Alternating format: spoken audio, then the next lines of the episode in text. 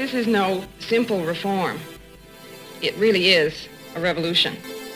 Feminism, by definition, is the belief that men and women should have equal rights and opportunities.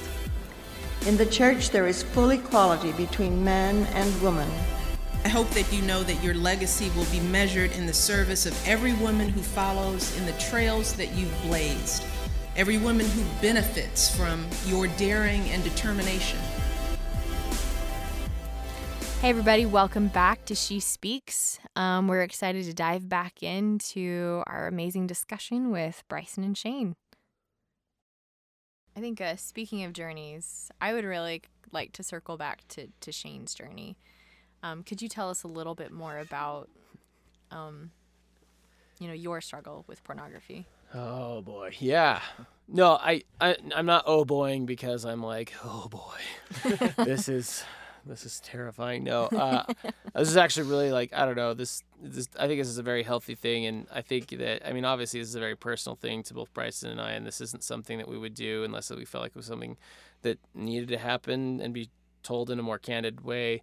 Uh, I'm just trying to figure out like how to condense it so it's not like okay on part one of seven of Shane's story. The next hour we'll cover ages zero through eight. You know, um, no, um, no. Like I said earlier, I was exposed to it really, really early, and um, I was actually like from my dad exposing me to it. Um, because he had brought it into the house and I had stumbled upon it. And um, it's okay. He's dead now, everybody. So I can say that kind of stuff. Okay. you know, my I was exposed to it because of my dad um, bringing it into the house, and like like I said earlier, it was very much so like it defined like and like really like shaped my view of sexuality. And it wasn't until like I was older that I like realized I like I I, I distinctly remember like putting two and two together. I can't remember if it was my baptismal interview or or if it was maybe later into like my deacon like um, ordination interview like like putting two and two together of like oh this question they ask you about chastity is about this thing that you like have been involved with for a number of years i believe it was actually when i was a, I was a deacon I mean, they don't give like sex talks to kids, like or chastity talks to kids from eight to twelve. They're like, you know, it's like, hey, let's color some papers, you know. So like, it, it was kind of just like this thing that like I didn't talk to anybody because I felt inherent shame about, but it was just kind of there. Um, and I I just remember very distinctly like, and this, and I hope this doesn't come off as me being like I you know bagging on the brethren or bagging on church leadership or anything like that. But my personal experience was I, I distinctly remember President Hinckley giving a talk in priesthood session about pornography and talking about how it's this giant multi-billion dollar industry and about how he, he read these three stories of these women whose husbands had cheated on them and how it stemmed out of pornography. And at this really young age, like this is something that like I hadn't even divulged to anybody at this point in time, like at all, but it's cemented in my mind, like just from this one talk. It's like if you look at pornography, like you will cheat on your wife and you will break your family in half and you're like a godforsaken piece of garbage. Like that was like what cemented in my head like from like that point on. And so like and I'm not saying that that was like the mm. spirit of the message or intention of like the brethren's message, but that's just how like my brain interpreted it, right? Mm-hmm. And so like from like then on out it was you know in, in retrospect with getting some like some healing and, and perspective um, for the last like I said like eight or like eight to ten years um, like I feel like it was really unfortunate that I didn't have proper context or teachings from leaders or like um, a little bit more candidness about the problem because I felt like it really robbed me of a lot of like positive experiences throughout like my teenage years as I struggled off and on with this um, with this problem because I felt like every time like I, I had a group of friends in high school that were very like goody good kids like when I say that like they none of them really kissed girls they were like seminary presidents and nerds who loved Star Wars and stuff you know He's, he's describing me for those who. yeah, it, it, no, for real. If Bryson was in high school and we were in the same class, we would have been like really good friends, and we probably wouldn't have told each other that we looked at porn. Anyway, It's funny because my wife says all the time, if I knew you in high school, I probably wouldn't have hung out with you. So- my my wife says the same thing too. Hey! okay. Oh, I'm sorry. It's okay. It's okay. but like, um, like I just remember like multiple experiences where I I was like I found this good group of friends in like high school and like I remember like going and doing stuff with them that was so much fun and I was having so much joy just doing stuff that wasn't you know, it was very wholesome things. It was like, you know, going backpacking together and like, you know, just doing stupid stuff you do when you're a teenager. Like you light crap on fire, you know, you like to play with fireworks and like you have a ton of fun doing this stuff. And I remember multiple times just like, like this, this like nagging, sh- like just like voice in the back of my head being like, you shouldn't be having this much fun because you're a dirtbag who looks at pornography and like none of your friends would hang out with you if they knew that you looked at pornography and like that was something that was like a really like for me like i even if like any of my kids you know because I've, I've um two boys like if my boys ever look at pornography like i hope that they like i can teach them in a way to where they can separate their value and what they can experience as like in happiness and like in wholesome things from like their you know if they struggle with pornography. Because that was something for me it just robbed me of a lot of like happiness. And like it was just so hidden in the shadows you know what i mean? So there's and i didn't know a, a healthy way to like handle it or i didn't know how to talk to anybody about it. So it just was like this thing that like festered inside of me and like just made me like it sucked a lot of joy out of my life in a lot of ways. So i'm anyway i'm kind of rambling now a little bit about that but like that was that was kind of like my experience through like you know high school and, and junior high kind of very similar on and off cycles of, of viewing pornography and then I went on my mission, didn't have any problems, as, as most missionaries don't have any problems with pornography because you don't have access to computer and you're with someone 24 hours a day, which was nice. You know, it was a good breath of fresh air. But then, like, coming home, it's like, this is always something I feel like is so unfortunate for missionaries. It's like, okay, now you've been babysat for two years. It's like, but don't look at it if you've had a problem before. It's like, good luck, you know? like, I feel like, like a lot of missionaries that come home who have struggled with it in the past and, and you know, got clean on their missions, they come home and it's almost an immediate like relapse into old behaviors because they kind of are like cut loose and they're just like, all right, you know, you're on your own now. And that's also like when I came home from a mission was like the year the iPhone came out, and it was like, here now you can look at it on this like tiny hidden screen that you can conceal, and it's your personal device that you don't share with anyone, you know. So it was like a recipe for disaster for me, and um, you know I I you know struggled off and on working to get clean and then you know slipping back into it. Um you know i struggled on and off with it for um you know throughout throughout college as well. And then i started dating my wife and i this is this is one of the weirdest things but it's also like a like a proud glimmer like of like we were dating and i remember like i had like you know feelings like man this girl's awesome. I like want something to become of this and materialize this and I just felt like this wild compulsion to just tell her, which is like, I mean, you kind of had a similar feeling, Bryson, when you're like, if I'm gonna go back into this, you know, I gotta tell her. And I just like, I dude, I melted down. Like it was just like it was the worst experience, but like a good experience. And I, because I told her, and she was just like so caught off guard, and she went through a lot of those feelings, like Morgan was saying, of just being like confused and like hurt, and you know, really like just betrayed and anyway, so we like, you know, kind of worked this out a little bit more, and then we got married, and and actually, it even continued to ha- be a reoccurring problem in our marriage um, for a few years until we really like, and this is this and this is something that was hundred percent on me because.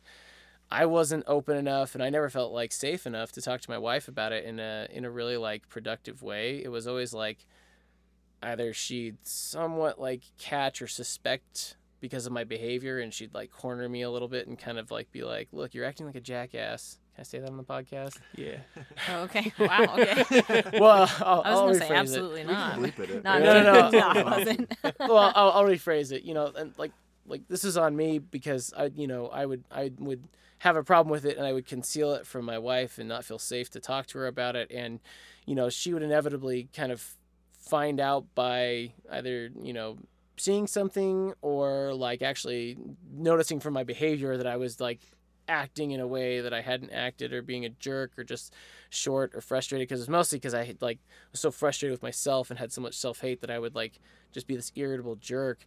And so eventually like we went and saw this therapist and this therapist was just like uh, from my wife's side of the perspective, like he asked my wife, he's like, "Would you stay with Shane if you knew that he had, you know, a relapse once a year for the rest of your marriage. He's like, is that something you could live with? And my wife was like, what the f are you talking about, dude? Like, that's not a question I should consider. Yeah. And he he was like, she was so taken aback by it that he could physically see it, you know. And he's like, you know, that's like the reality of like this thing we're we're we're talking about, like that, like it could be, but that doesn't mean it has to wreck your marriage. That doesn't mean that it has to be something that's incredibly divisive and like um, just devastating to you with proper context and like a healthy relationship and honesty. And I remember that that was there that and there was one other turning point for me. That was her turning point when he asked her that question. And for me my turning point was like calling it what it was and acknowledging what it was because this this pattern I've talked about of just concealing and hiding and you know minimizing or just you know tucking it away um, was really the thing that was giving my addiction power because it was this like thing that I didn't want anyone to be a part of. And so I like just held all the shame and all the guilt and, and all the I guess it's not guilt because guilt's the good kind from God, but I just held all the shame like inside, you know. You can still, I mean, you can have guilt and you can hold it inside. That's true. That's true. So, yeah. But I mean, I felt I definitely felt like this crushing shame from it that like fueled the addiction a lot Yeah. more because I feel like without it being out in the open, you know, it's not something. I I mean, this is my personal belief, and this is me talking from the gospel of Shane. It's just like I do not believe that someone that is very entrenched at like the level that I was of like having this long history since I was like eight years old, you know, can really overcome this without some sort of like acknowledgement to another person or to a group or to a support person because you know especially with our religious convictions as, as people in the lds church like there's just too much that can shame you into the cycle and just make it perpetually stronger and stronger and stronger in that addiction. I think you have to be candid and open about it. And i think that's my motivation at least for coming on and talking about this. And like also like why you know we as, as a company at Harmon Brothers are excited to do this campaign for this company, trying to overcome this, you know, addiction that's that's really hurting a lot of people and individuals. So Yeah, it's breaking down the stigma. And I completely agree that my recovery I mean, I I I ran myself into a brick wall for years trying to overcome this by myself. And it's amazing how easily your brain can tell you I can do this, I can do this um, despite the history. But it did. It really started turning around when I started opening up and talking to people. Um, it's powerful. Can I go? First? Yeah. Yeah. Sorry, I told you if I started, I wouldn't stop. No, you're good. You're good. Um, so in my experience um, with pornography, uh, a couple of years ago, I was dating a girl, and we've been dating for a little over a month or so, and uh, I. I told her I was like, "Hey, I, I want to let you know like I've been struggling with this and I'm currently struggling with it. I'm working on it. Like here's what I'm doing to like work on it, but it is a struggle that I that I have." And she sobbed. Like she cried a lot and like didn't really say a whole lot, just kind of cried a lot. And I was like, "So, we're are we done?" Like I th- I think I think we're done. And we were. As far as the relationship. yeah, as far as the relationship. Are you done crying? That's what I thought you were saying. I'm like, we're done with this, is this exchange over now. No, the relationship, right? No, the relationship. Wildly callous. there, I was like, I think we're done with this relationship because uh, you uh, you can't Yeah. handle this, and I I'm freaking broken. Yeah. Like so, see ya. And it was just like we were done, and like that experience sucked a lot, and I was just like really working a lot and trying to like fix it and overcome it and everything like that. And uh, a couple months later, I started dating this other girl, and uh, I told her, "Hey, just so you know, uh, I I've been struggling with pornography," and I was like, "But I've been going to like these classes. I've talked to my bishop about it. I've been reading my scriptures, saying my prayers, like going to church every Sunday. Like I've been doing all these things, and like uh, I talked to my roommates about it and like we just like went through my list of like what I was doing and I was like, but that's something that I struggle with, so I just wanted you to know. And I was like, here we go. Like I was like bracing myself. Like, is she gonna cry? Is she gonna hit me? Like I don't, I don't know exactly what was gonna come. And she looked at me and she said, "I'm so proud of you." That those are the first words out of her mouth. I'm so proud of you. And I was like, wait, did, did you just hear what I said? like, like I just I look at porn. Like I struggle with looking at porn. Like how what? Yeah. And she's like, I'm so proud of you. Like, you're doing the work. Like, you're putting in all the effort. Like, you're winning the fight. Like, that's so awesome. And, like, immediately, I, I, I couldn't, I, I, I was just shocked that, like, a girl could possibly have that reaction. And it was the best thing that she could have done was reacted that way. Because after that, all of a sudden, I, I was not scared at all to talk to her about it. And, like, over the next uh, month or two that we were dating, um, she would bring it up every once in a while, and it was always very casual, like, "Hey, just want to check up on you. Like, how are things going with the porn? Like, are you still struggling? Have you been, have you, has it- been better lately?" And the entire time I was dating her, I never struggled. Like that entire time, I was good. The entire time we were dating, like, because it was just like. And I was fine to talk to her about like, oh yeah, you know, I, I was really tempting me a lot yesterday, but like, I I didn't look and it was fine and today I feel great again and like hasn't been an issue and and I didn't struggle with it the entire time and it was just so cool to me like that just that initial reaction had such a huge impact on me and like helped helping me in like my healing process and everything. Yeah, I'll say. Um, I mean, it's a it's a it's a deeply personal thing, and so if you're not at the point where you can say that to someone, I think that's totally fine. I don't think that's wrong. I don't think you're less of a person if you can't yet say that, um, because it's very much a personal thing, and it's very much a personal uh, decision and standpoint between you and God. So if you're not there yet, I think that's okay. But I will say those words, I'm proud of you, and other sentiments, but those words are so powerful Yeah. because my, I mean, my wife has kind of approached it from the same direction. And it's pornography is really a demon or a dragon that feeds on secrecy and shame. And if somebody is proud of you for the fight that you're fighting, you want to keep fighting, you know? It it's powerful.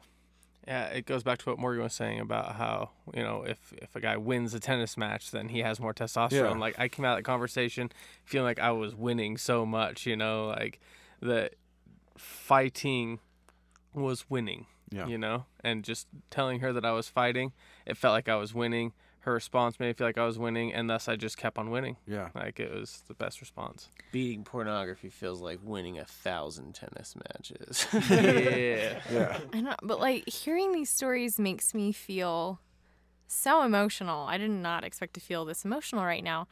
Um, but I like I know that we've you know we're trying to be you know so understanding and so kind um, of anyone like like whatever role they play in the struggle where whether they're the wife or whether they're the mother or whether they're the person that struggles or whoever they are but i i just really want girls to just really listen to just what what was just said and to realize that when when a guy opens up his heart and says that he is struggling with pornography that is one of the most vulnerable things that he can do. He is literally taking out something that probably causes him a lot of shame probably causes him to feel horrible about himself and he's laying it there on the table for you to assess and for you to you know to to, to respond to. And um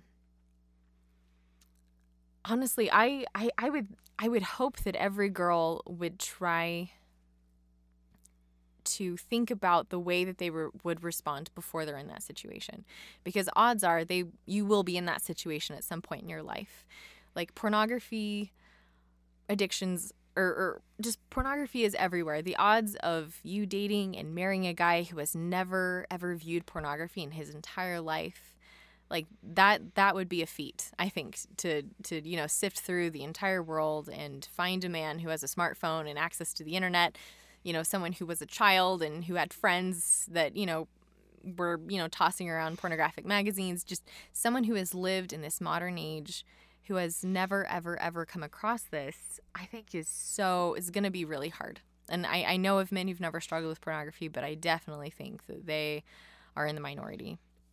And i think that this is something that girls really need to understand is i think that they they need to understand how prevalent this is and how so many of the amazing men that they see walking around at church these priesthood holders these um these elders quorum presidents these you know their home teachers like plenty if not most of these men, have struggled at some point in their lives with pornography, maybe.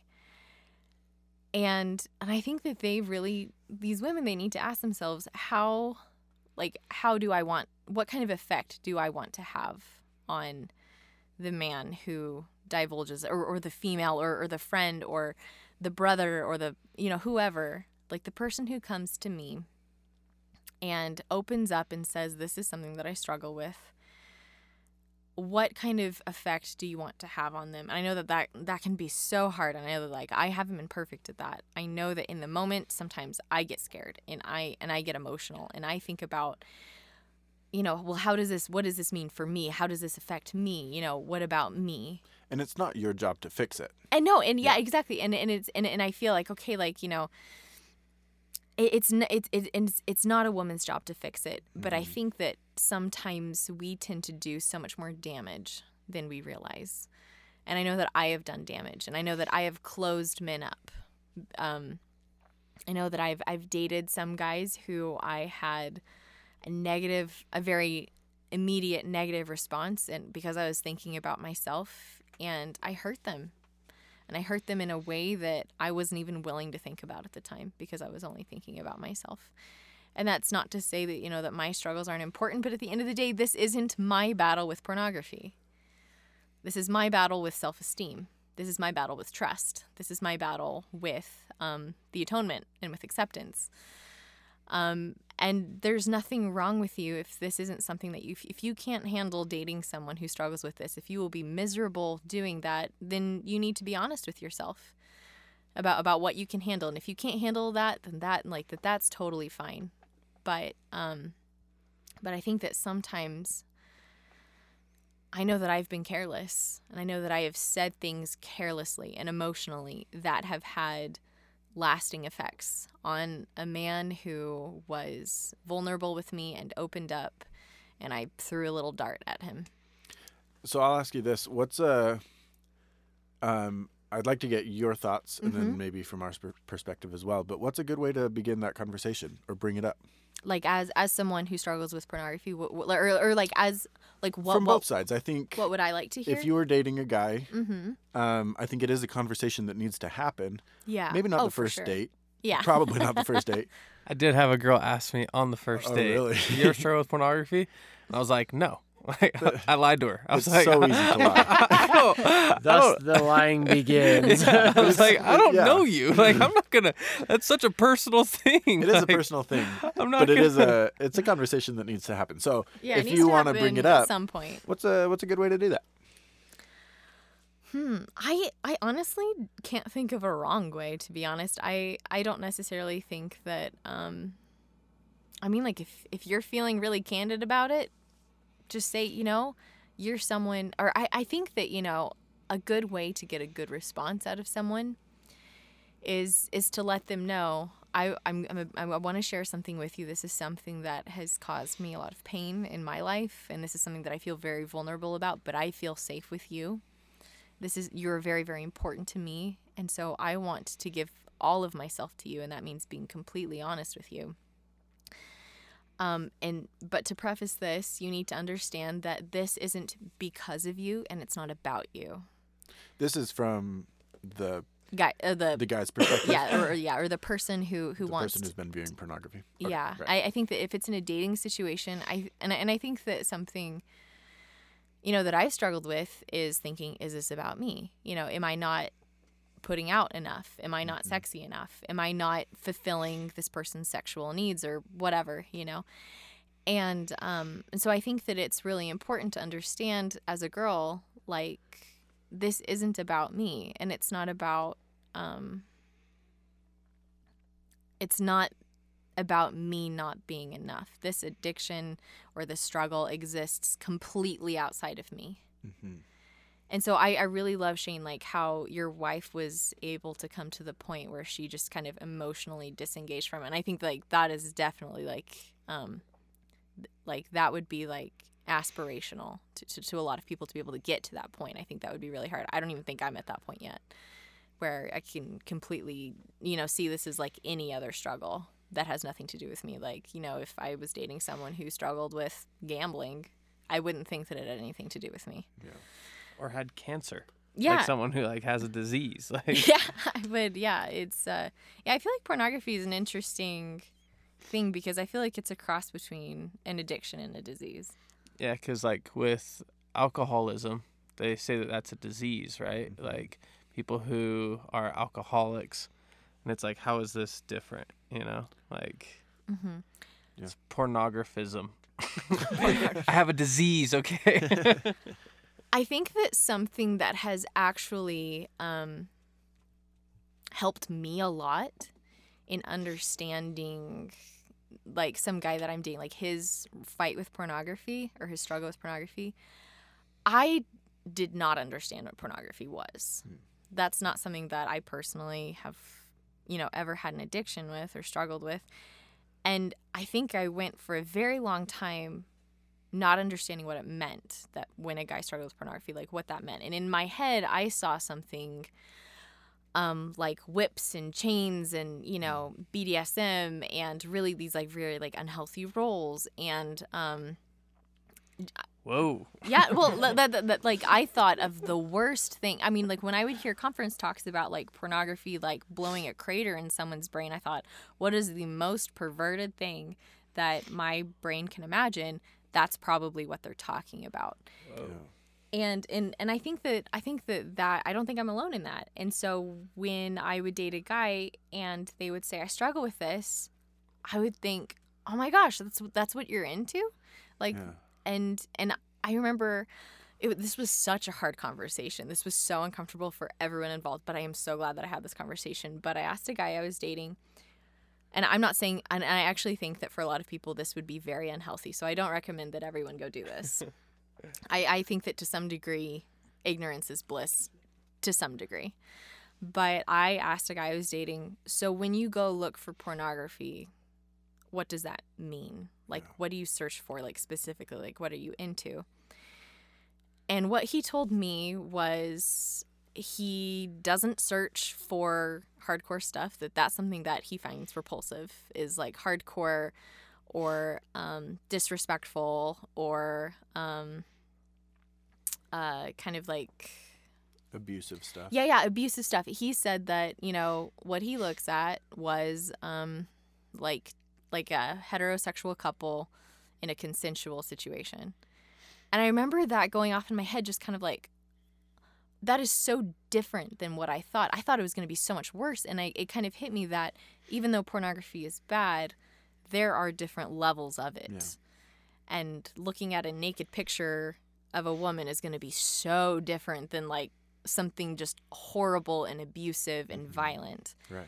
and and and I do think you know like things can lead to each other but I think that something that a woman needs to understand is that as far as like sexual perversion goes like there is a wide scale there and just because a guy struggles with pornography doesn't mean that he is into things like abuse Right. or That's a- violence yeah, that's a really good thing to point out, though.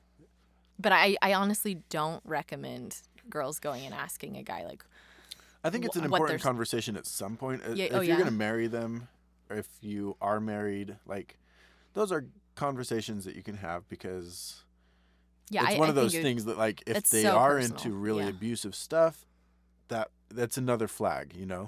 yeah and no I think that's a good point So just just knowing what you're dealing with, what their attitudes about it are. It's all very important. But maybe early Again, on in the relationship yeah yeah like Yeah. maybe don't try to tackle that one just yet Yeah. if if this is a very serious relationship yeah that might be something really good to know and it was something that was really really good for me to know i felt like i could breathe a sigh of relief knowing that okay like it's not something that it wasn't what i was thinking you know I think we can all agree one of our takeaways from this podcast is you should ask on a first date if they look at pornography and what kind.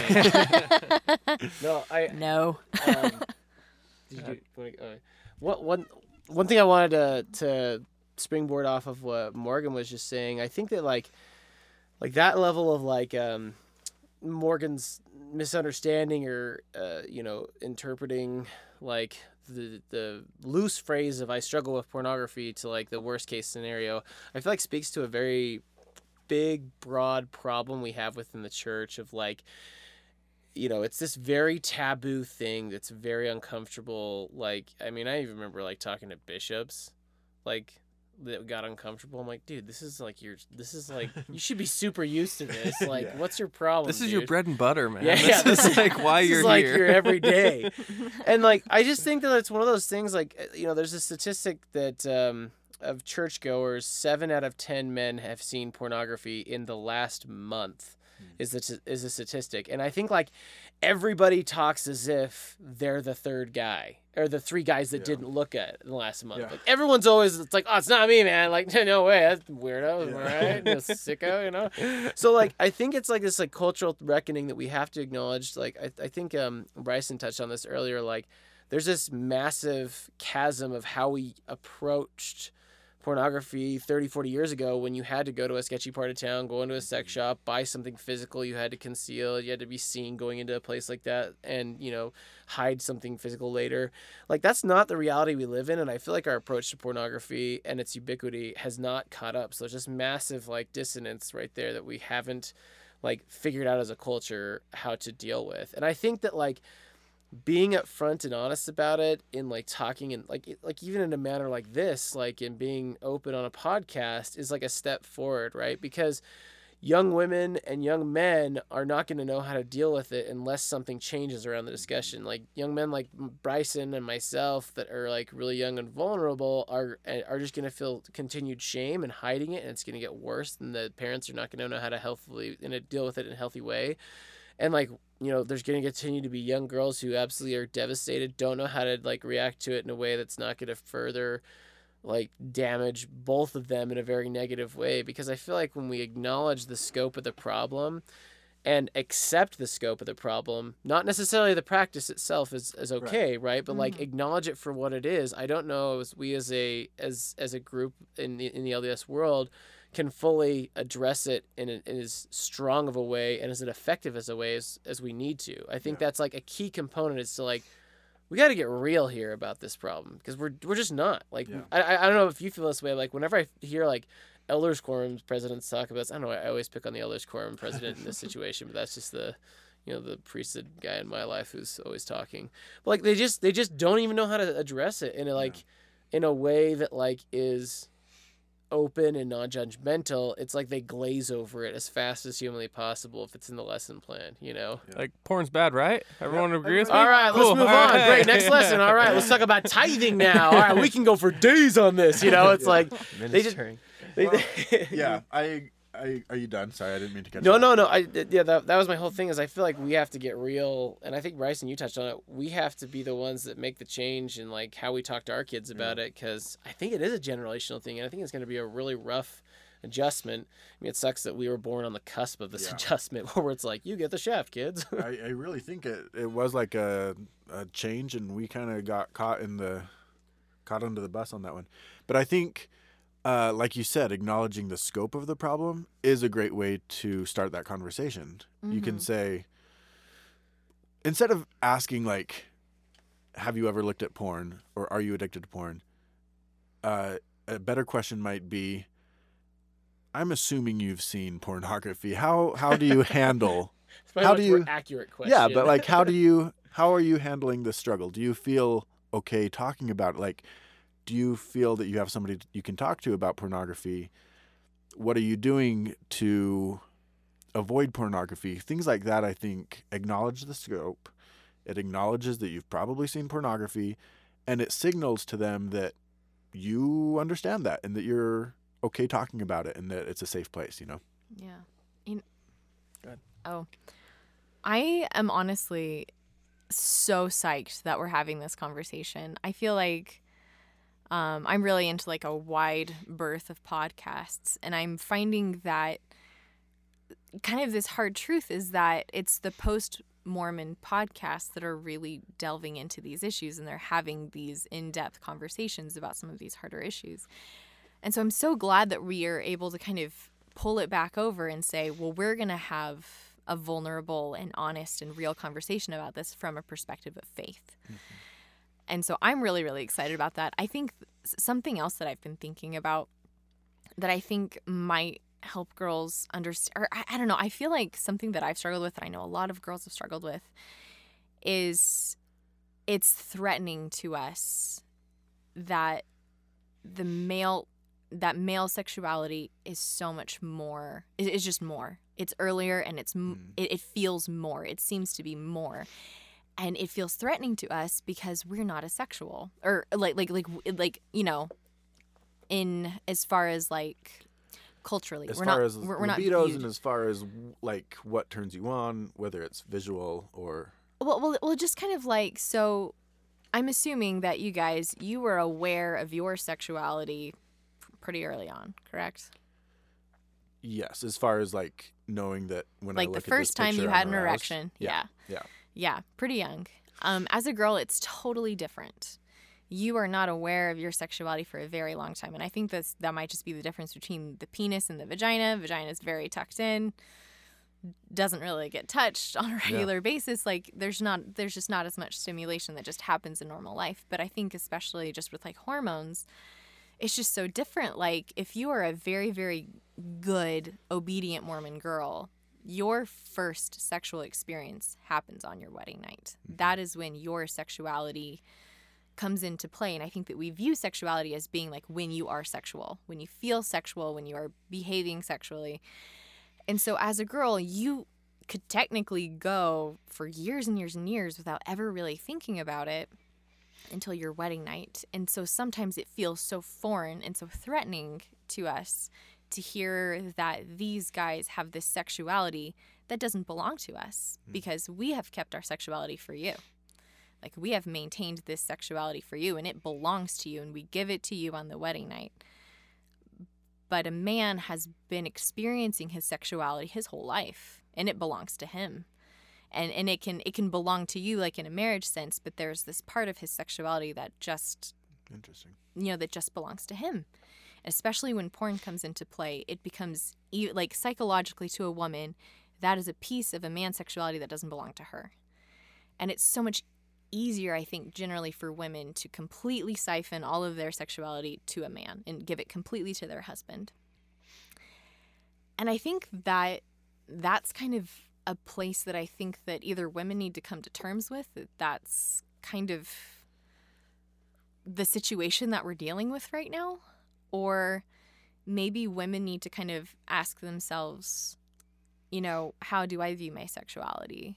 Um, what is it about my sexuality that this you know it's it's not even really mine. It's you know it's something that i have to give to a man on his wedding night but do i actually have sexuality that belongs to me? And i feel like since I've started asking myself these questions about my own sexuality and do I experience sexuality now, like as a young unmarried female?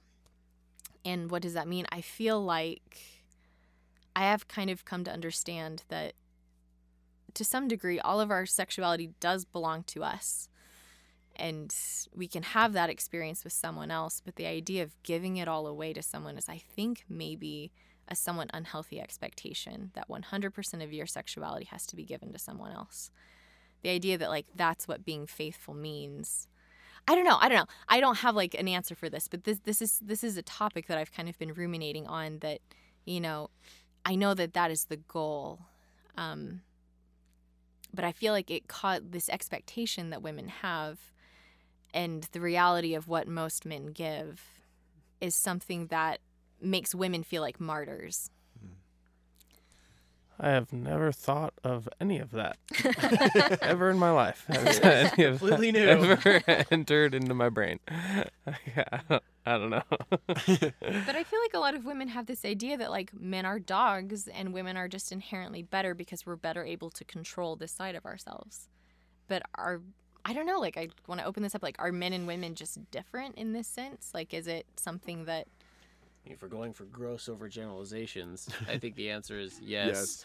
because like you saying like going for years and not even like thinking about your sexuality in like mm-hmm. any way, like is just like such a foreign concept to any young man, whether they struggle with pornography or not. It's just Yeah. like, I mean, I feel like again, gross over, you know, generalization here. Like just like as a young man, you're just like this like just like this teeming boiling pot of hormones all the time right? Like even if you're not like actively like masturbating or looking at pornography i think that there is like inherently like inside of like young men like this like wild like sexual like you know sexuality that like they're trying to figure out. Like they're just like oh my gosh oh my gosh Yeah. ooh, like why, why- why is my brain doing these things? You Yeah. know so that's like a really foreign thing for me to hear like years? Like uh, if you were like talking like hours i'd be like yeah i get that. You know? Like if you're like years i'm like what? Well like at least months. no I no even say. even months i mean like if you were like if you said hours i'd be like yeah i watch movies too and sometimes i forget about that. You know, You know, like, it's not like not on that scope at all. So i think i think there's something inherently like true of what you said that like it is like on a totally different level and i feel like you're right there is this feeling of like well why didn't you, why couldn't you do what i've done like Yeah. in saving it and i think I mean, I'm not, and I'm not trying to make excuses for the male like gender, Right. like by any stretch of the imagination. But I feel like they're like acknowledging like the physiological differences of a man and a woman, uh, like are an important part of that because like they're not the same. You know what I mean? I wish I could. I honestly Yeah. wish I could be like, yeah, sexuality is like Yeah, not a thing. I'm just gonna turn it off. I, I, I remember like thinking like if there were like like when I was in high school, I remember like if there was a pill that I could take Yeah. would just like kill all my sexuality, I would take it Oh, twice a day. You know what I mean? Like that was something I wish I could have like had at that point in time. Well, and just like the way, going back to that point, the way female and male bodies prepare for sexuality, Mhm. like, yeah, girls get their period early, like 12, 13, whatever, Mhm. but it's not pleasurable. No. But the way that men's, as far as I know, it's not. but the way I can verify as a woman, it's not. but the way that men's bodies prepare like is pleasurable and we're like not that we i mean it's it's interesting because it's it's random erections and it's wet dreams and you can cut this if you want but like I'm not going it to. is very like it's very different because the way our bodies prepare for sexuality is far more pleasurable than you know a period so even though puberty hits us both young it is a very different way of looking at it for men because it is a very different experience I wonder, like the the English major in me is wondering, like, I mean, like, I wonder if that's something that women just kind of inherently do. It maybe like, oh, this feels like so Freudian, but like maybe like out of, I, I don't know if out of jealousy, but like out of spite, kind of hold on to like, well, then you're disgusting for being that way. Hmm. I don't know, I don't know if it goes to a Freudian place as much as it goes to like a or like the- penis envy. Yeah, But- no, no, but not. yeah, no. know. I understand what you're saying though. Like it's like a subconscious thing of like you know like like you gotta experience like all this sexual like enjoyment where I was over here like being an old maid waiting around for you, like, like, you know what I laying mean? eggs and Yeah, bleeding through my white pants. yeah, this is great. I love this, you know.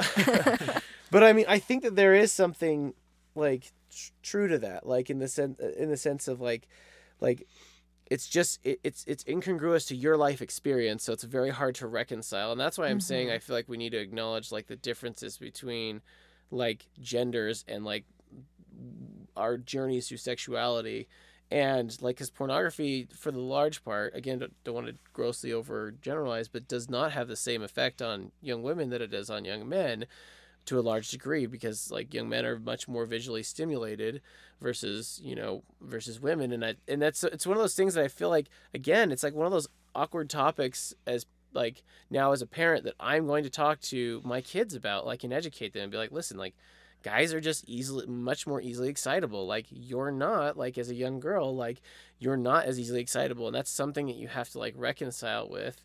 And like it's it, it's and if someone if you go to get married and the guy's like looked at pornography and like had sexual experiences outside of your relationship that doesn't mean he devalues you any less. It just mm-hmm. means that like he had some like struggles with this. He could have even had sex before he gets married. And that doesn't mean that like he loves you less or your your relationship can't be any less meaningful. That's what the atonement's like. That's why that's why we believe in the atonement is like you can have these struggles with pornography that's inherent with this world that we live in or like even with like sexual like transgression before like marriage like and still recover from this in a healthy way where you can still have a very meaningful relationship. Like the fact that like you as a woman even say that in a way where it's like what the hell? Like why didn't you save yourself? Like I think you like the attitude. I'm not chastising you, Morgan, for this Oh, no, no, attitude no. at all. I'm just saying like that general attitude in general. If it's like if a young man gets worthy to go to the temple and like gets his crap together, I think it should be like what Jake's, you know, the girl he was dating said. You know, I'm so proud of you, like, like because he's overcoming some other like physiological disadvantages and like struggles that he's had to get there because he wants to be wants to have the relationship get to a, a healed state where they can have a healthy like shared sexuality experience together I love what you said right there, a shared sexuality experience. I think that some I think especially as women, we kind of have this idea of and I give myself to my husband on my wedding night and your virginity is something to be given and your maidenhood is something to be given and I think that like this idea of preparing for the wedding night and getting all fit for the wedding night and thinking about giving yourself versus sharing an experience is maybe something that is turning out to be less healthy because when you don't have virginity to give necessarily on the wedding night or if you've you know struggled with whatever before suddenly it's like you're at a loss. You can't give as much. You can't love as deeply. And i think that that is kind of unhe- like that's unhealthy and, and, and that doesn't leave room for the atonement. So i love what you said about sharing a sexual experience. And i think that that should be more like the thought of someone else owning your sexuality because you gave it to them completely and you saved it for them intact completely that is that like that can be troublesome i think because you know we're in a mortal world and we all make mistakes. But i think the idea of sharing a sexual experience no matter what you've been through that's something that you can do with your partner. And I think it goes back to the way we talk about it, whether it's, um, I mean, specifically all the metaphors that we heard growing up, whether it was uh, chewed bubble gum yeah or holes in the fence, these ideas that once you chew a piece of gum, it, you can never unchew it. Or if there's a hole in the fence, if you put a nail in the fence, you can never get that hole out. You know, all these. wildly graphic i didn't hear that i've never heard you the never- fence one that one's like jeez But I've heard a lot of conversation recently, which is very inspiring that these metaphors are changing or just being dropped completely because there is no good metaphor for sexuality because sexuality is a metaphor for connection and for trust and communication and all those things. So again, just the way we talk about it that um and like you said, whatever happened before the atonement is complete. You can unchew the bubble gum, as it were, and you can become completely whole.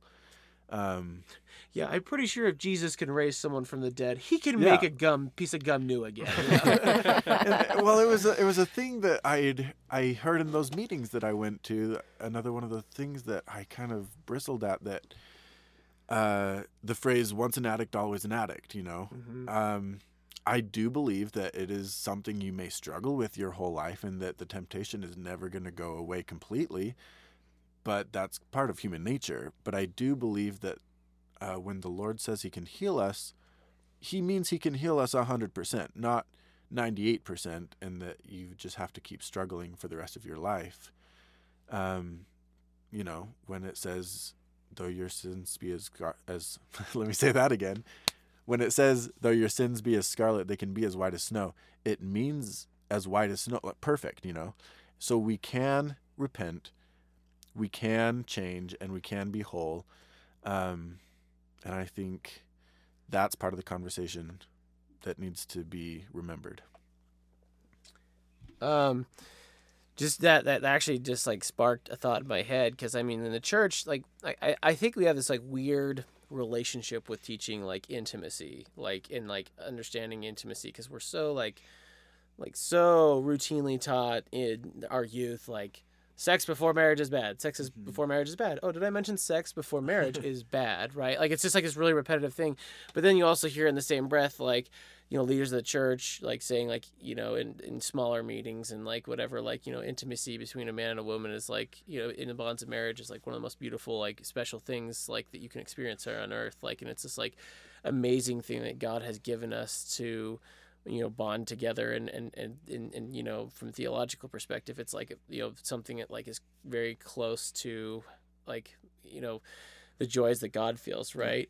And i think that this is I, i've never actually had this thought until like we were talking about this just barely. Like i think that this is like a way that like satan the way that he's like making us feel and shame about like our perceptions about like oh you didn't hold on to your sexuality and purity for this like you robbed me of this experience is probably a way for him to like lodge himself in between something that should be a sacred and special mm-hmm. experience between you and your spouse like and and kind of like draw like just driving a wedge between you. And like and same thing with pornography. It's something that's supposed to be very special and the longer Pornography he- is not supposed to be special. no, no, sorry, sorry. Oh, yeah. With pornography in mar- like it, of pornography, like like is driving a wedge. Satan's using pornography to drive a wedge between a man and a woman because in their sexual life, their, their intimacy is supposed to be very special and sacred.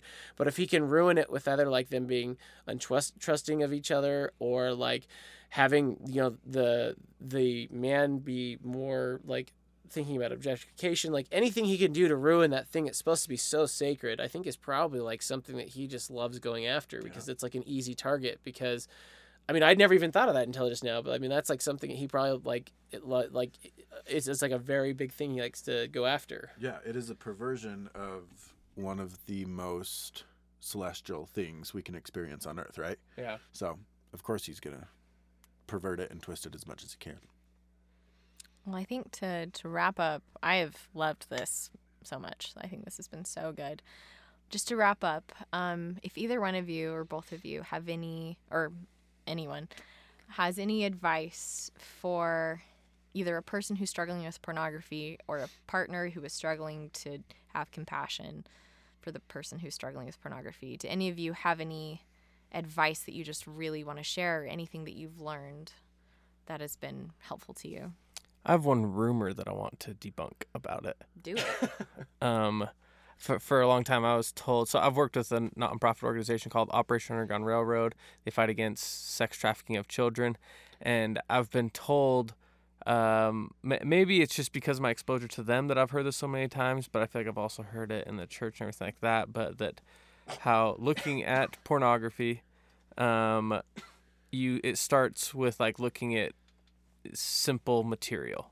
And then it grows and like eventually like what was once like softcore porn isn't enough for you and then it progresses into hardcore porn. And then from hardcore porn it, it progresses into like child porn. And then you become a pedophile. Like i've, I've heard have you guys heard Yeah. this Oh, yeah, before? Okay. Yeah. It's a Okay. the slippery slope analogy. Yeah, yeah, yeah. It's slippery slope. Um, that's not true.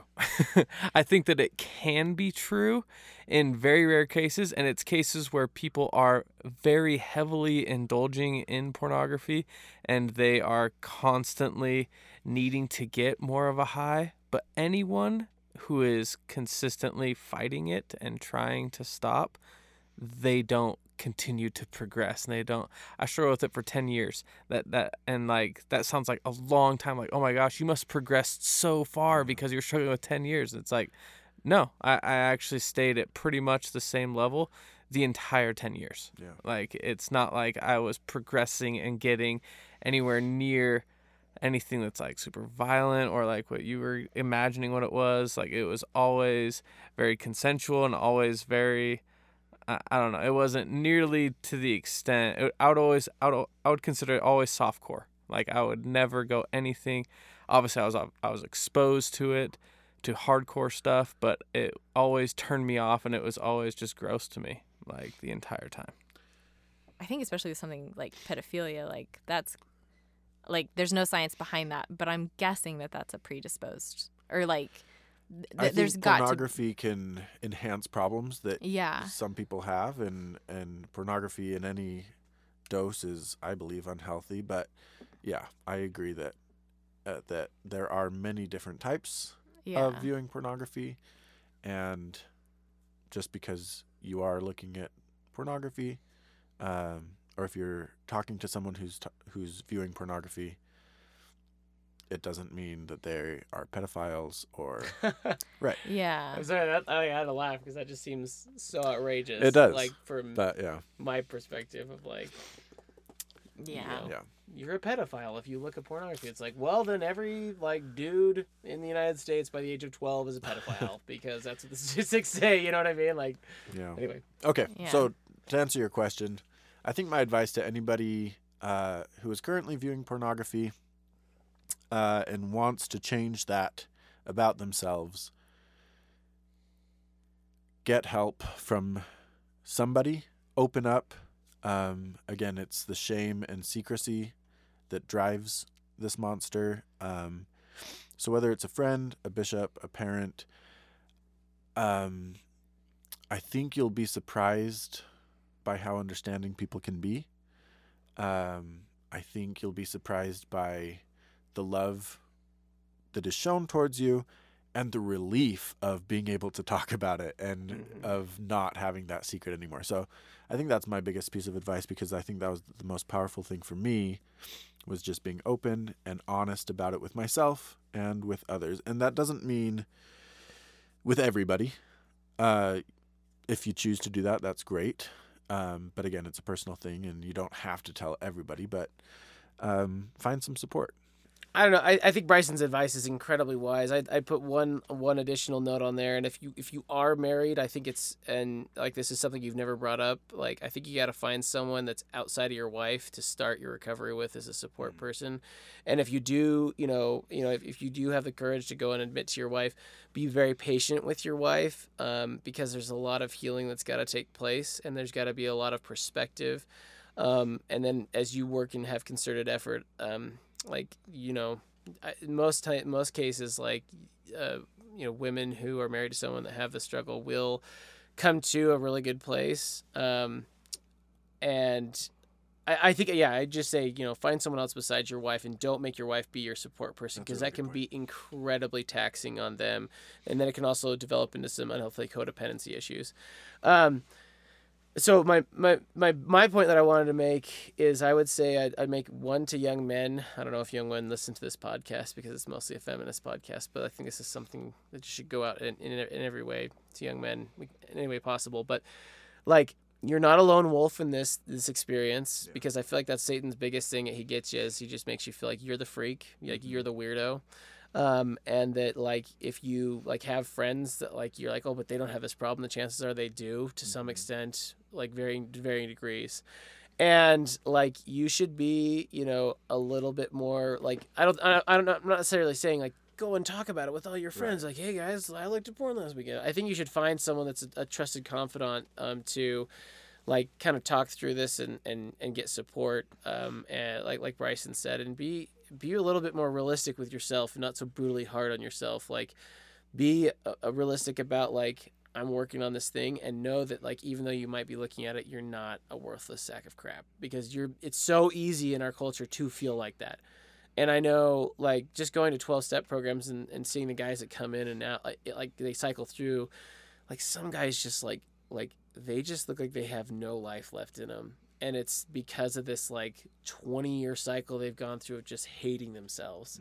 And i feel like we have to figure out how to heal ourselves and stop hating ourselves um, to make any real progress and headway. And then i'd say on the other side for for the women um, to talk to them is you know i hate to I hate to, to you know say to like well you better get used to dating guys that have you know porn in their lives. Like But you get it better get used to dating guys. And, and and and when I when I thanks Jake for actually saying that. when I when I say that I say that with a caveat of like don't settle for it, right? Yeah, Don't yeah. settle for that being a thing, And but this is- like th- that's the nuance in this discussion. Right. Nothing we've said is to. Nothing we've said it. is to excuse it. Yeah.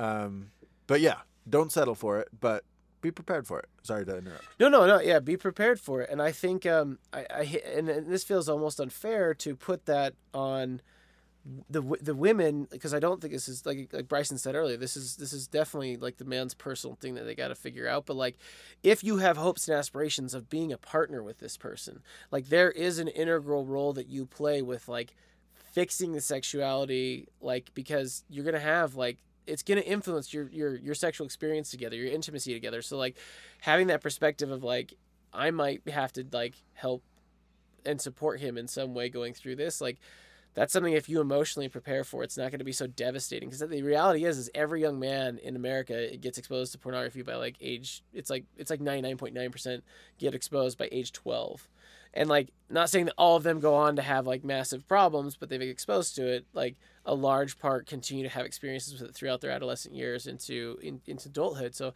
I think just being prepared mentally that that's a thing, like and being prepared to like I want to have a great experience with them and I don't I this is my personal opinion here again reading from the Gospel of Shane I do not believe you can have a healthy sexual experience with someone who struggles with pornography as a woman if you cannot reconcile that with yourself and come to a healthy spot because I've had personal very very close people in my life that have literally not been able to support their husband like emotionally mentally in every way like er, in any way I mean. And it literally broke the back of their marriage even though they both like wanted it to work. It just it, it fundamentally breaks that shared sexual experience if they can't work together and they can't deal with that in a healthy manner. So like i'm not saying like you being prepared as a woman for dealing with your husband's experience with pornography is like a make or break of your marriage but i do think that like it is imperative that you prepare for that like act that reality because it's very likely that could be something you'll have to deal with and it can be uh, something that can have a massive effect on whether you have a healthy sexual relationship and a healthy marriage or not because i think it extends i mean it extends to a lot of parts for us like for a lot of years it extended into general trust issues you know in general other areas of our marriage in a big way and so i feel like if that's not right it, it it's poisonous to the to relationship in a big way Yeah. that was a long rant, but that was no, that was advice. really good. No, I think uh, like I, I want to tack something onto there. Not necessarily that this is Shane's advice, but something that I feel like I've learned for myself in my own experience is um, I think that something that would be really helpful to women who are in relation who are maybe already in relationships um, with men who struggle with pornography is to stop seeing yourself as a victim. I think it's really important to understand that you're not a victim because this wasn't done to you. Um, I think that sometimes like that that could be really hard to feel, especially like if you've discovered it without him coming forward. Um, and so I, know that it probably feels very personal for some women, and I know that that, that can be so traumatizing.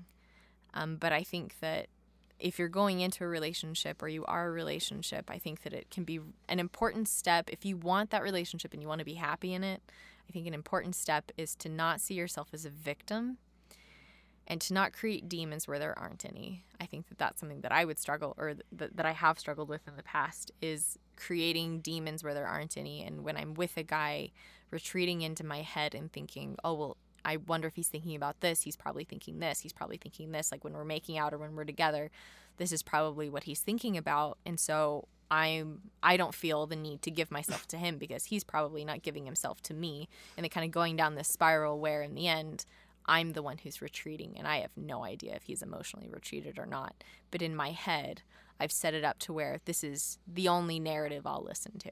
Mm-hmm. This is the only reality I'll accept because of what I think is going on. And so I know that I have created demons where there aren't any, and I've created issues where there weren't necessarily issues. And I have been in relationships where even though the guy was currently struggling with pornography, it did not have an effect on our emotional or our physical relationship unless I made it had an made it have an effect. And I, and I think that that can be different for everyone, but in this particular relationship, it had no effect except when I allowed my fears and my insecurities to get the better of me and I would create demons where there weren't any and I would create problems where there weren't problems. And so I think that realizing that even though this is not my fault that this exists and so and I'm I'm not I'm not bad and I'm not weak for having these feelings, for having insecurities. Like that's that's just gonna happen. But I think that realizing that I have keys to happiness too. That, you know, the overall happiness of the relationship, I'm not, you know, just at, at the mercy of whatever happens. I have keys and I can choose how much happiness I allow um, this relationship to have. Um, well, thank you guys so much for coming. This was so fantastic. This is probably one of my favorites that we've ever had. Yeah, this is awesome. Yeah, well, thank you guys so much for uh, coming and uh, catch you next week on She Speaks.